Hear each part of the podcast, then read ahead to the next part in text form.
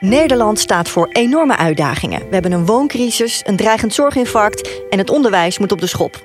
Ondertussen is het vertrouwen in overheid en uitvoeringsinstanties lager dan ooit. Maar wat als je een probleem moet zien te tackelen dat zo groot is dat het ogenschijnlijk geen oplossing heeft? Een probleem waarbij als je aan de knoppen gaat draaien, direct 10, 20, ontelbaar andere knoppen zichtbaar en onzichtbaar mee gaan draaien. Dat is de kettingreactie. In deze XTR Branded Podcast in samenwerking met CIO, het Centrum voor Organisatie en Veranderkunde, ga ik, Janine Abbring, in gesprek met betrokkenen en experts om te zien hoe zij omgaan met dit soort complexe kwesties. Totaal verschillende invalshoeken en visies, met één gemene deler: niks doen is geen optie. In deze aflevering onderwijs en de noodzaak van innovatie. De arbeidsmarkt kampt met grote tekorten. Beroepen verschijnen, veranderen, verdwijnen. Is het middelbaar beroepsonderwijs het wondermiddel voor al deze problemen? Hoe bereidt het MBO zich voor op de onzekere toekomst? Welke scenario's passeren de revue? En welke veranderingen staat het onderwijs in brede zin nog te wachten? Vandaag bij mij aan tafel experts Bert Beun, bestuursvoorzitter van de Goldsmeding Foundation, eerder eh, collegevoorzitter van het Deltion MBO en bestuurslid van de MBO-raad. En mijn andere gast is Peter Paul Kerpel, zakelijk directeur en programmamanager van CIO en de ontwerper van het CIO-programma Lerend Veranderen in het MBO.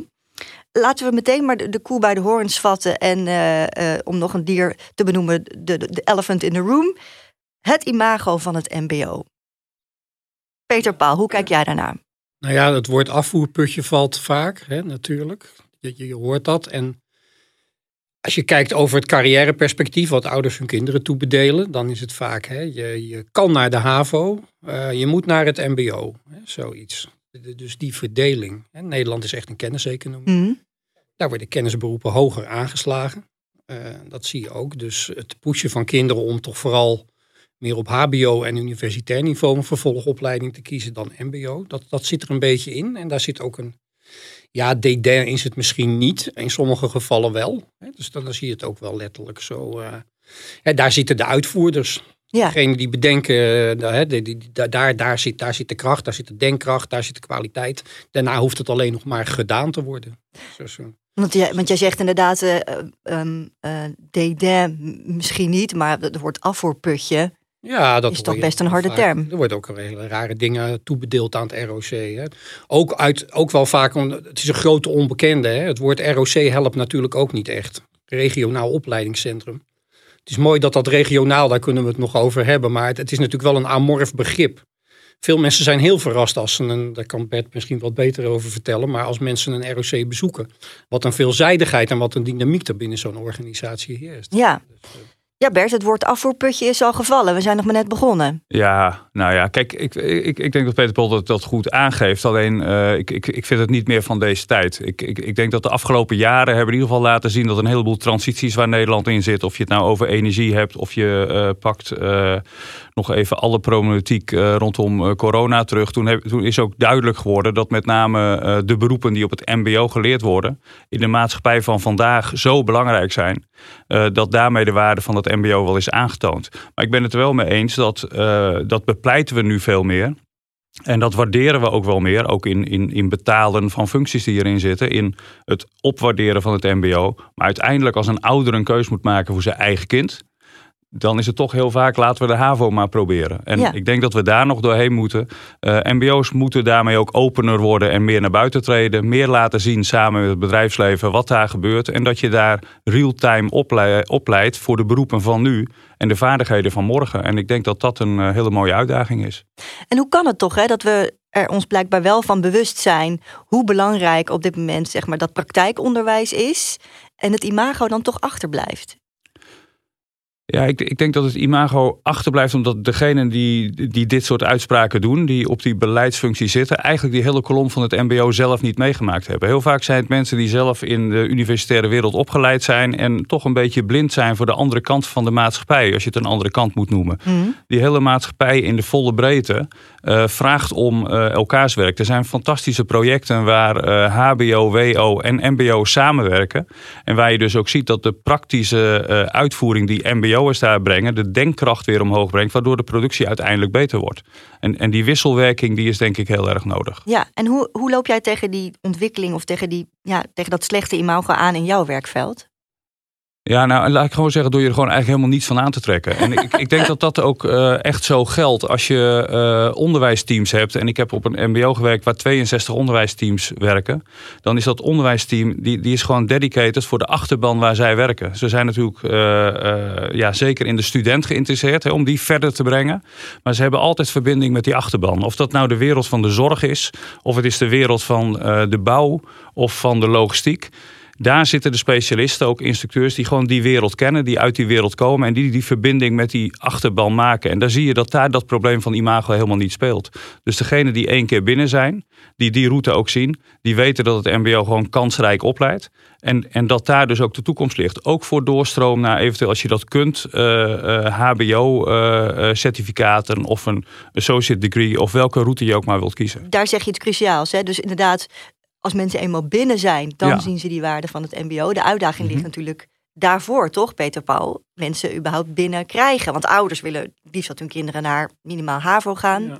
Nou ja, vooropgesteld dat evengoed 38% van de studenten in Nederland een MBO volgt. Hè, dus, dus substantieel meer dan HBO en uh, universitair onderwijs. Mhm. dus het is niet zo dat er, dat er per se gebrek is aan studenten of dus, dus er zijn genoeg mensen die, die een, een mbo-opleiding volgen. Met succes gelukkig maar. Want anders had je echt helemaal geen handen meer aan het bed of blauw op straat. Of al die harte wensen die wij allemaal slaken elke week. Dus het, is, het, is, het is echt wel belangrijk. Maar wat ik net al even zei. Waar komt dan die onwetendheid vandaan? Ja, nou ja, ik, ik denk toch voor een stuk door dat hoeft niet altijd zo, maar hoe het nu georganiseerd is. Als ik een bord zie met ROC, dan moet ik maar raden wat daarachter zit.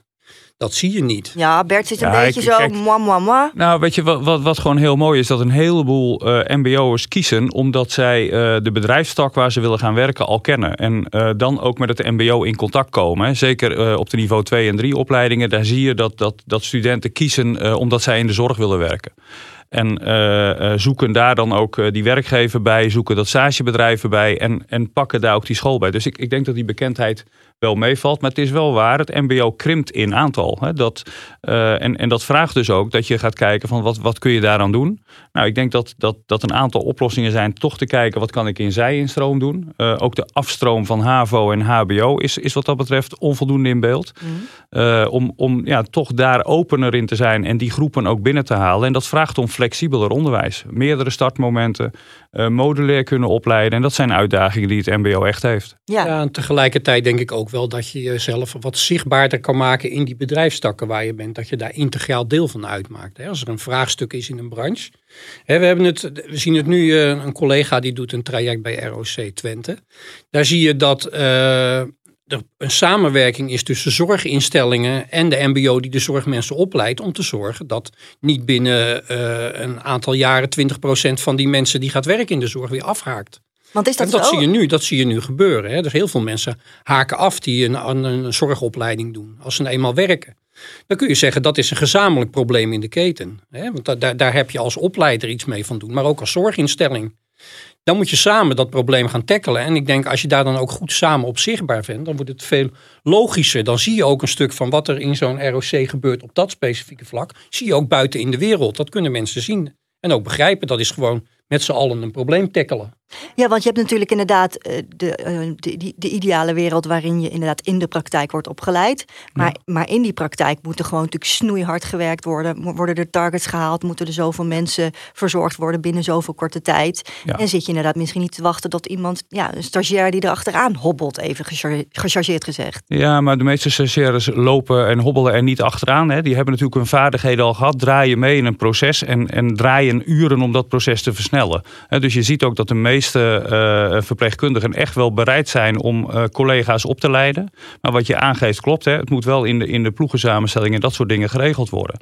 Uh, dus aan de ene kant hebben werkgevers best het beeld van hoe zet ik nou ook in mijn bedrijf een goede werk- en leercultuur neer. En anderzijds hebben mbo's wel de opgave. Hoe zorg ik nou dat ik zo flexibel opleid dat die student die op een werkplek is, dat hij ook de vaardigheden heeft om daar te kunnen functioneren. Ja. En dat zijn mooie uitdagingen. Kun jij antwoord geven op die vraag? Ja, nou, zeker is dat een uitdaging. En je ziet daarmee ook, hè, als je zo gaat werken, dat je dus ook een beetje de muren slecht af, voor zover die er al echt zijn van het MBO. Dus mensen veel meer binnen en buiten moeten werken.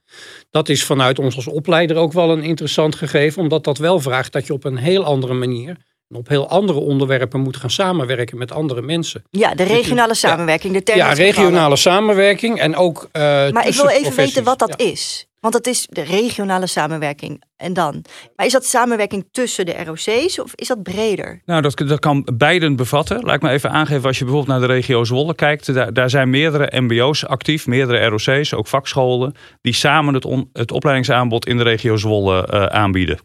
Die doen dat zo effectief mogelijk. Wat je ook ziet is dat de werkgevers die daar zijn echt die MBO's weten te vinden als partner voor het vinden van hun studenten. Maar in toenemende mate ook als partner voor eh, het, het verzorgen van het leven lang ontwikkelen, de bijscholing van hun eigen mensen. Die komen dan niet voor een hele opleiding, maar je kunt je voorstellen dat in een aantal opleidingen eh, nieuwe modules zijn. Hè? De, bijvoorbeeld de, wa- de warmtepomp eh, die, die er is, waardoor iemand die al jaren in die sector werkt, toch een stuk bijscholing nodig heeft. En dat kunnen integreren door modulair te werken, dat is wat steeds beter lukt. Maar daar is ook samenwerking tussen dat bedrijfsleven, die zorgsector of welke sector je dan ook hebt, en dat onderwijs nodig om dat bij elkaar te brengen. Eh, die leercultuur ook eh, vorm te geven en, en die samenwerking neer te zetten. En dan, ja, dan is de kunst natuurlijk ook dat je niet als twee MBO's, twee ROC's in de regio elkaar daarop beconcurreert. En zegt van eh, ik kan het beter dan de ander. Maar dat je gewoon goed kijkt hoe kunnen wij nou samen al die bedrijfstakken bedienen. Was er vroeger wel harde concurrentie? Nou, de- als je eh, een jaar of 15 teruggaat, toen was zelfs de opgave door het ministerie van OCMW dat scholen met elkaar moesten concurreren en ook een marktpositie moesten innemen. Ja. Je ziet dat die maatschappelijke tendens in het onderwijs echt veranderd is. Ook in andere sectoren. Hè. Eh, Marktwerking eh, raakt uit. Dus je ziet dat in het onderwijs dat vanaf een jaar of twaalf geleden is daar gekomen dat dat met de term macro-doelmatigheid, een hele moeilijke term, eh, maar, maar het, het, het echt afstemmen met elkaar van wie biedt nou waar welke opleiding aan om zo goed mogelijk eh, de studenten te faciliteren en zo goed mogelijk bedrijfstakken te faciliteren, dat dat het eh, gremium geworden is. Dus je ziet de wil tot samenwerking ook in de MBO-raad enorm naar voren komen. Kijk naar de werkagenda die is afge- afgesproken. Die gaat uit van samenwerking. Ja, Gaat uit van verbinden met de regio en daar ook gewoon harde afspraken over maken. Niet alleen voor studenten, maar ook voor leven lang ontwikkelen. Lijkt me een ingewikkelde cultuuromslag, Peter Pan. Ja, het, is, het gaat ook heel geleidelijk. Hè, wat ik net ook al zei, dat vraagt dus ook van mensen ineens heel andere competenties. Hè. Als jij natuurlijk goed bent in je vak en je brengt dat over op een student, dat is wat anders wanneer je dat in dialoog met de buitenwereld moet gaan doen. Eh, maar het biedt ook heel veel kansen. Hè? Want je ziet, doordat je zo samenwerkt in zo'n regio, je hebt natuurlijk ook eh, nieuwe beroepen die gaan ontstaan. Rond artificial intelligence gaat nu, er komen natuurlijk nu beroepen waarvan we nog niet weten dat ze er gaan komen. Het is natuurlijk fantastisch als je met de markt kan gaan verkennen aan de voorkant, hé, hey, wat zou dat kunnen zijn? Zodat je er echt optimaal en ook veel tijdiger dan vroeger kan inspringen als, als ROC op een gegeven moment. Hoe overtuig je die ander dat, dat, je het, dat je het gezamenlijk belang voor ogen moet houden? Ja, ja dat is, dat, daar, daar zit een beetje de truc. Hè. Dat, dan krijg je dus het, de complexiteit van samenwerken, samen naar een agenda zoeken en ook echt de tijd nemen. En dat is vaak de crux, maar ook een beetje het probleem. Om even dat gezamenlijk belang te definiëren en concreet te maken. Daar moet je voor aan tafel zitten. En daar gaat de heigerigheid van de samenleving natuurlijk wel een beetje parten spelen. Want er moet wel erg veel. Ja, daar moet je wel, je moet er lol in hebben. Je moet het een beetje kunnen. Dat vraagt een hoop empathie. En een beetje uit je, eigen, uit je eigen professie stappen. Je eigen professie ontstijgen. En dat is natuurlijk ook, ehm, ehm, Peter Paul, waar jij dan bij komt kijken om in zo'n organisatie eh, ja, daar beweging in te Ja. krijgen. Dus de tijd nemen, de ruimte maken. eh, dat is vaak al iets. Dat moet ook gegund worden door, door de directie. Maar wat is jouw ervaring bij, bij complexe vraagstukken op scholen? Hoe, Nou ja, je ziet dat veel mensen om te beginnen denken van... oh, dat is een project. Dus ik, ik, begin maar, ik begin pas als ik precies weet waar ik eindig. Ja. En alle stappen. Ik ga ook pas wat doen voordat ik alle feiten boven tafel heb. Dus dan krijg je van die enorme inventarisaties. Hè, of nog een enquête bij je klanten of bij je studenten. Terwijl ja, daar, daar haal je de onzekerheid niet mee weg. Dus je moet gewoon die onzekerheid verdragen. En soms moet je maar gewoon beginnen. Je moet beginnen. Klein experimenteren. Ja. Hè, Dus ook, hè, dus ook wij En pleiten het ook verschil tussen ja. ingewikkeld en complex. Want kun je dat uitleggen? Ja, dat- hè, ingewikkeld, eh, een ingewikkeld vraagstuk, dat is gewoon een moeilijke puzzel. Maar je hebt in ieder geval de puzzelstukjes. Hè, dus die heb je allemaal bij elkaar. En als je dan met een groepje mensen gaat zitten, ga je net zo lang rommelen tot het past. Eén keer past het. Complexe vraagstukken, daar weet je eigenlijk vaak niet eens wat de puzzel is.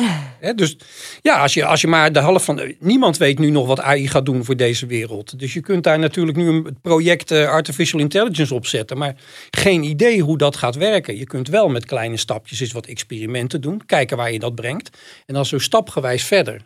Dus je gaat wat weg van het grote verhaal. En je gaat, en het liefst met alle mensen die erbij betrokken zijn, zo lerend werken en werkend leren, zoals wij dat noemen. Steeds met kleine stapjes verder proberen te komen. Dat is wat je dan probeert te doen. En wat vertel je dan tegen iemand? Stel, ik ben docent op het MBO en ik, ik zit te wachten op een stappenplan. Ik wil gewoon weten welk curriculum komt er nu aan eh, het komend semester. Ik zeg Nou. maar wat. wat. Hoe pak jij dat dan aan? Nou, je inventariseert bijvoorbeeld wel de dromen van mensen. Wat zou het mooi zijn als? En vervolgens vraag je, wat staat er nou maandag anders in je agenda als dat er over een paar jaar moet zijn? En dan ga je dat maar eens doen. En dan zal je zien dat na een week eh, dat leidt tot voortschrijdend inzicht, zodat dat beeld verderop gaat ook weer veranderen. Hè? Maar dat beeld zit dan niet meer vast. Maar zo, zo kleine stapjes steeds verder. Wat kan ik nou morgen doen om dat eh, over eh, vijf jaar gerealiseerd te krijgen? En het grappige is dat dat, wat, dat beeld over vijf jaar, dat gaat enorm veranderen. En dat is nu vaak te makken. Hè? Dan roepen we van, we bedenken over vijf jaar hoe het moet zijn. Hmm. Dan gaan we vreselijk krampachtig proberen dat te halen. En als er dan iets eh, invloed van buiten komt die dat beeld verandert, dan, heb, dan is het mislukt. Of we hebben het niet gehaald. Ja, nee, dat, dat heb je dan niet gehaald, maar dan heb je weer wat anders. Ja. Dus, dus, maar dat is moeilijk. En hoe leg je dan zo'n zo'n voedingsbodem hè, voor, die, voor die vooruitgang? Nou ja, ik, ik kan alleen maar aangeven hoe ik dat bijvoorbeeld als bestuurder deed in het onderwijs. Waar, waar wij een onderwijsteam hadden. In dit geval was dat het bouwteam. En die waren heel trots dat zij van drie eh, niveau vier klassen naar vijf eh, eh, gegroeid waren. Is ook natuurlijk fantastisch. Hè? Dus instroom van jongeren naar die sector bouw was daarmee groter. En toen vroeg ik, wat doe je nou op het gebied van leven lang ontwikkelen? Hè? Want BIM-technologie, ik zal het niet verder uitweiden, maar is wel een, echt een technologie waar mensen die in de bouw zitten echt op bijgeschoold moeten worden. En dan gaven ze aan, daar hebben we geen tijd voor. En toen was mijn vraag, als je nou gekrompen was van drie naar twee klassen, wat had je dan gedaan? Ja, dan hadden we dit kunnen doen en dat kunnen doen. Nou, en daar gaat het nou om. Ben je nou als onderwijsteam op de wereld om jezelf aan het werk te houden en denk je, dit is wel voldoende? Of kijk je naar die achterban en zeg je van, die sector waar ik voor werk heeft dit nodig en hoe faciliteer ik dat? Nou, en die laatste, dat laatste vraagstuk, die durf van ondernemerschap in het onderwijs, want dat hoort daar natuurlijk een beetje bij, die hoort in een team te liggen. Je kunt als bestuurder nooit 62 teams hun achterban vertegenwoordigen. Dat moet echt dat onderwijsteam zelf doen. De term eh, eh, AI, hij is al een paar keer eh, gevallen. Een deel van de beroepen die MBO'ers nu leren gaat onherroepelijk verdwijnen. Onder andere natuurlijk door, door de innovatie en de opkomst van artificial intelligence. Ehm, ja, hoe gaan we daarmee om? Ja, dat is een goede vraag. Dat zullen we, dat zullen we eerst eens moeten uitzoeken. nee, serieus. Ja, hè. nee dus, Dit ja. is, dat, dat- heeft nu natuurlijk een soort, soort hysterie gekend het laatste half jaar. Hè, doordat iedereen dat, dat chat-GTP gebruikt en dan ineens iets van verrekt, komt nou wel heel dichtbij. Maar dit is wel, dit, ik zeg, dit is het momentum om dat uit te zoeken. Juist met, met organisaties. Want welk effect heeft dit exact op de verpleging? Bijvoorbeeld, noem eens wat, eh, accountancy. eh, hè, met name op het wat, wat niveau van, van boekhouding en zo en controle. Ja, dat, zijn dat heeft een enorme impact. Ja, nou, voor, voor mij heeft het ook te maken met eh, het, durven in handen te geven aan volgende generaties.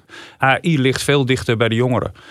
Qua gebruik, qua experimenteren. Durf dat dan ook daar in handen te geven. En, en heb in een onderwijsteam de ruimte dat je dat ook ja, in een team kunt eh, eh, wegzetten. Dat, dat, dat ook ouderen in dat team denken van... En wat is mijn rol dan? Wat, wat kan ik daarin meedoen? Of zijn er andere zaken?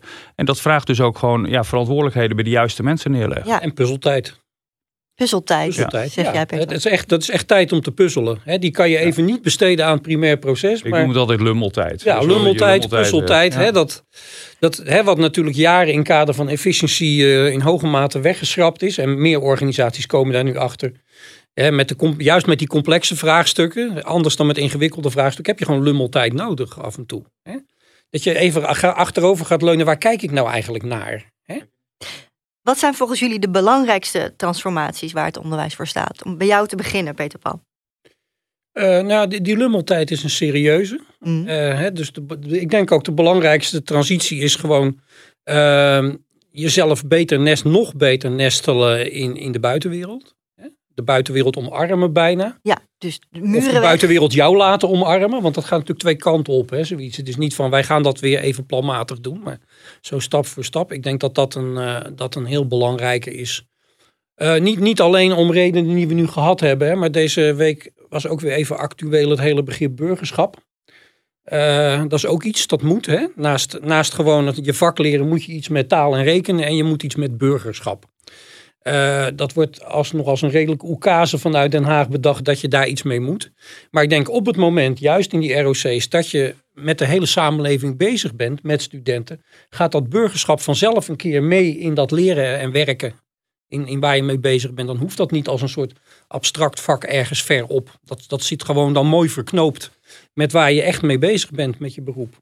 Ja, ik, ik, ik denk het heeft zeker waarde hè, om, om uh, te streven naar participerend burgerschap. Hè. Is een hartstikke moeilijke term. Maar laat ik maar even het, neerzetten. Een socialisatie van, uh, van de student. Dus behalve het vak leren ook zorgen dat je mee kunt doen in de maatschappij. En soms is daar ook theoretisch onderwijs bij nodig. Maar ik ben met je eens, dat moet goed geïntegreerd worden in waar je mee bezig bent. In, in de lessen en niet in, in, in twee uurtjes die ergens zitten. Ja, dat, dat, dan lijkt het op een theorie-examen wat je één keer doet en daarna vergeet je het zo snel mogelijk weer om je praktijkexamen te halen. Ja. Nou, dat moet het niet zijn. Het moet echt geïntegreerd zijn in, in het DNA hoe wij jongeren voor de maatschappij willen afleveren. Hoe lang is het eigenlijk geleden, Peter Paul, dat jij bij het MBO binnenliep?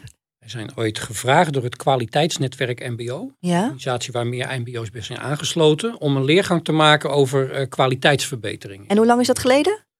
Nou, ik denk een jaar of tien. Oh, en, al, ja. ja. en wat En- was toen de vraag waarmee ze ja, kwamen? dat was echt van doe iets met onze kwaliteit. Er was toen ook nog wel wat druk vanuit de inspectie. Dan moest, de kwaliteit moest omhoog in het MBO. En daar moest dan die leergang ook echt op focussen. Toen we eenmaal in gesprek waren met een aantal mensen van het uh, netwerk, toen kwamen we erachter dat het eigenlijk gewoon ging over complexe of, of soms wel ook ingewikkelde veranderopgaven. En toen hebben we eigenlijk een programma ontwikkeld, lerend veranderen in het MBO. Daar is het eigenlijk door ontstaan. Dus de, de vraag was, onze kwaliteit moet omhoog. Ja. En toen kwam jij tot de conclusie dat... Dat dat dus inderdaad meer ging over het effectief werken aan veranderopgaven. Dus je kunt wel werken aan kwaliteit als een soort einddoel, maar daardoor moet je iets doen met het verandervermogen en het lerend vermogen van een organisatie. Dat is natuurlijk waar SIO erg op focust in programma's. Dus zo'n programma hebben we toen ook gemaakt, zowel voor directeuren als voor de bestuurders van MBO. Twee verschillende leergangen naast elkaar. Ja, maar het lijkt me best ingewikkeld dat als zo'n bestuurder uh, uh, vraagt van... hé, hey, een concrete vraag heeft van die kwaliteit moet omhoog. Dat jij dan zegt van ja, maar wacht eens even, het is een veel langer termijn iets... en we moeten ja, veranderend ja, leren. Dan moet je dus iemand overtuigen dat het niet een project is... wat je zo eventjes in uh, fases uitrolt... maar dat je echt stapje voor stapje iets moet doen met het verandervermogen van je organisatie. Als jij op zo'n eerste dag daar binnenkomt... Wat, wat doe je dan als eerste? Uh, mensen doordringen van uh, hoe ingewikkeld het kan zijn of hoe complex het kan zijn als je van die moeilijke vraagstukken tackelt. He, dus we gaan heel erg de diepte in van veranderen is niet een project, maar veranderen is een dynamiek. Ja, maar wat doe je dan? Heb je dan een, of bestuurder? een keynote over veranderen of hoe, hoe moet nee, ik dat we zien? hebben geen keynotes. We Nee. zetten mensen aan de Lego en we laten mensen een gebouw maken met ieder een eigen instructie en zonder met elkaar te praten. Uh, dan zeggen mensen ja, nee, dat, uh, dat in de praktijk werkt dat niet zo, want dan mag je praten. Dan zeggen wij ook altijd ja, nee, in de praktijk weet je alles van elkaar en daarom gaat het ook altijd zo goed in het project. Gewoon om even te laten zien dat veranderen echt uh, ingewikkeld is als je met een grote groep mensen met verschillende belangen aan het werk bent. Maar wacht even, je hebt Ja. daadwerkelijk Lego. Ja, gewoon met Lego blokjes. Ja, Een bouwwerk maken. ja. Uh, daarbij mag je niet praten terwijl je bouwmerk maakt.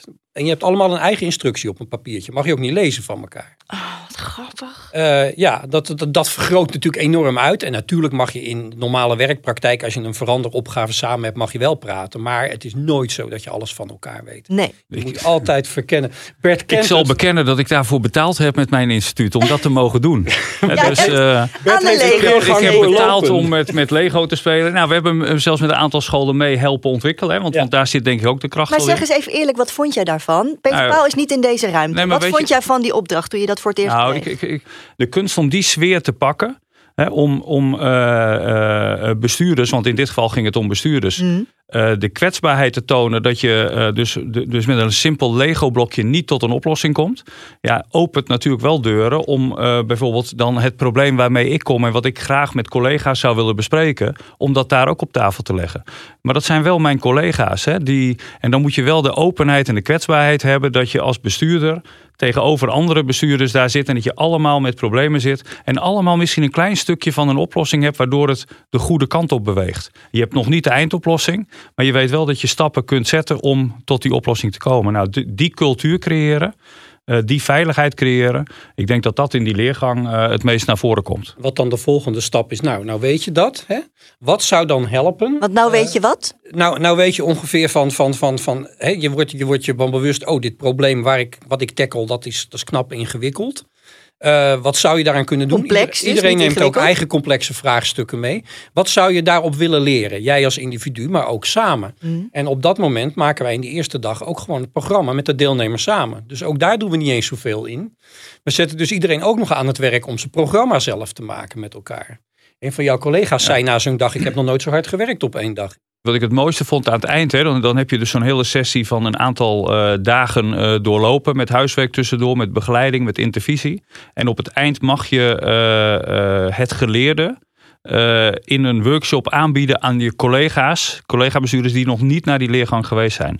En, en daarmee verander je ook de cultuur van met elkaar durven leren. Hè? En, en dat past dus heel goed bij dat, die maatschappelijke ontwikkeling dat je die samenwerking moet zoeken. Ja, dus die kennis die je hebt opgedaan mag je zelf ook weer overdragen. Daar hoef je niet weer dan inderdaad een mannetje of een vrouwtje van CEO voor ja, In die diepgang probeer je dat natuurlijk wel, hè, want, want dat doen die bestuurders dan op dat moment niet alleen. En wat je, waar je uh, denk heel goed op, op, op gedrukt wordt, eigenlijk de, de, bestuurders hebben snel de neiging van als je bestuurder bent, dan moet je op alles het antwoord hebben. Ja. Ja, dat is natuurlijk niet zo. Je, je moet de ruimte kunnen bieden aan je organisatie waar je zit of in de regio waar je zit om met elkaar tot antwoorden te komen. Maar heel vaak ben je niet zelf degene die dat antwoord bedenkt. Hè? Want dat wordt in je organisatie, ergens komt dat naar boven toe. En die ruimte creëren, ik denk dat dat belangrijk is in elke ontwikkeling van een organisatie. Dat je uit handen durft te geven dat de oplossing bij een ander vandaan komt. En dat je ook niet zeker weet of die wel komt. Waar ik ook heel erg benieuwd naar ben, is niet iedereen gaat natuurlijk meteen enthousiast met dat Lego aan de slag, toch? Er zitten ook nukkige types bij die denken, ja dag, uh, ik ben gek Henkie niet. Wat, wat doe jij dan op zo'n moment? Uh, nou, dat duurt even voordat ik dan wat ga doen. Dat kent Bert ook wel. Hè? Uh, je mag hopen dat op een gegeven moment. Kijk, we vragen natuurlijk na afloop: wat zag je jezelf doen? Wat zag je anderen doen? En we hebben ook wel eens iemand gehad, dan leg je die Lego-oefening neer. En die meneer had, het was in dit geval een meneer, ja, die had de opdracht van: jij bent de projectleider, maar die mocht ook niet praten. Dus wat hij deed, die graaide al die Lego-blokjes naar zich toe.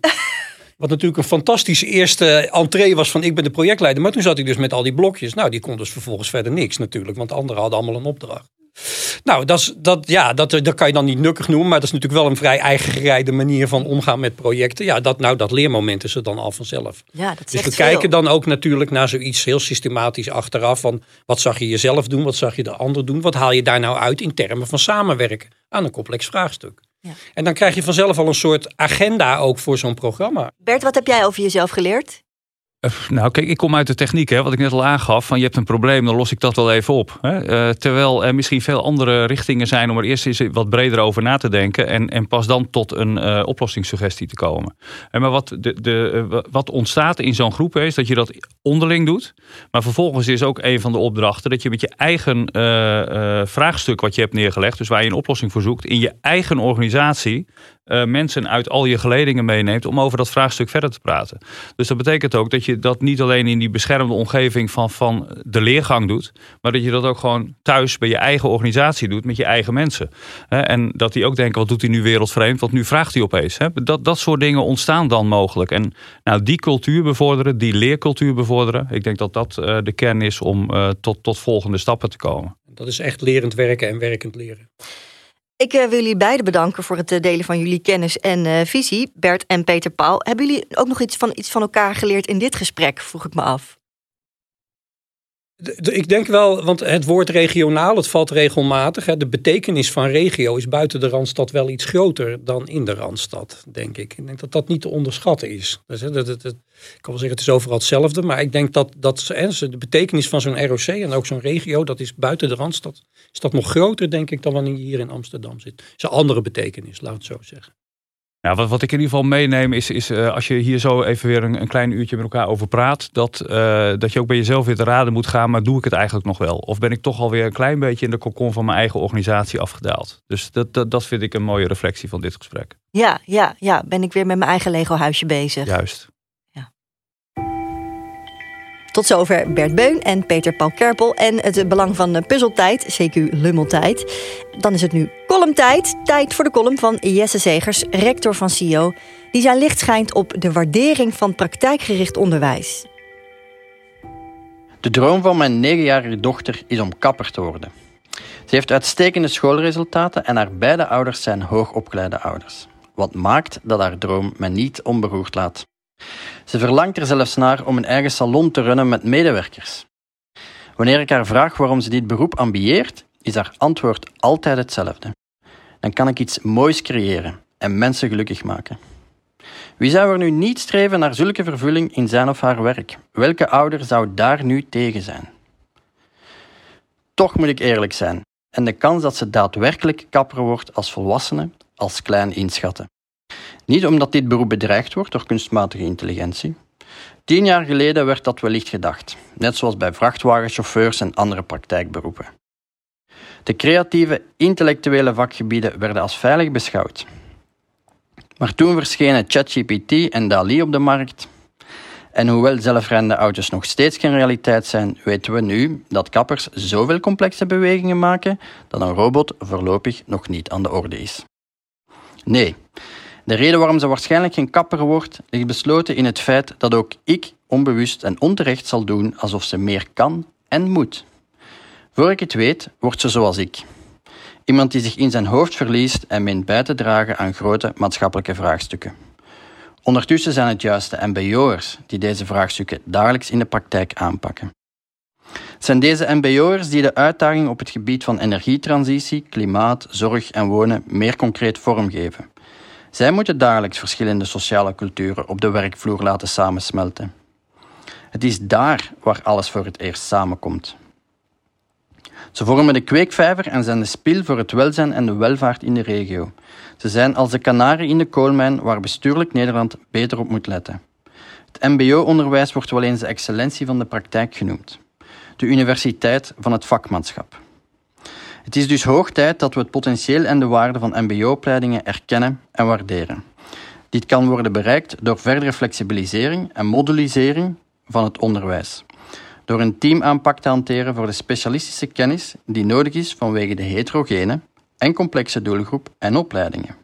Door collectieve benaderingen binnen sectoren en tussen scholen. En door de financiering hierop af te stemmen.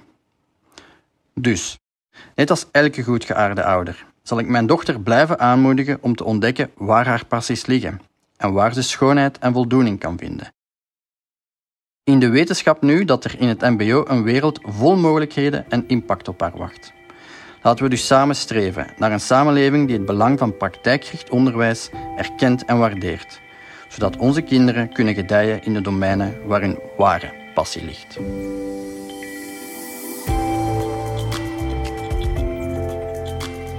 Dankjewel voor het luisteren naar De Kettingreactie, een XTR-branded podcast in samenwerking met CEO. Je vindt alle afleveringen in de NRC Audio-app of alle andere podcast-apps. En je leest ook meer over CEO op nrc.nl slash brandedcontent slash CEO.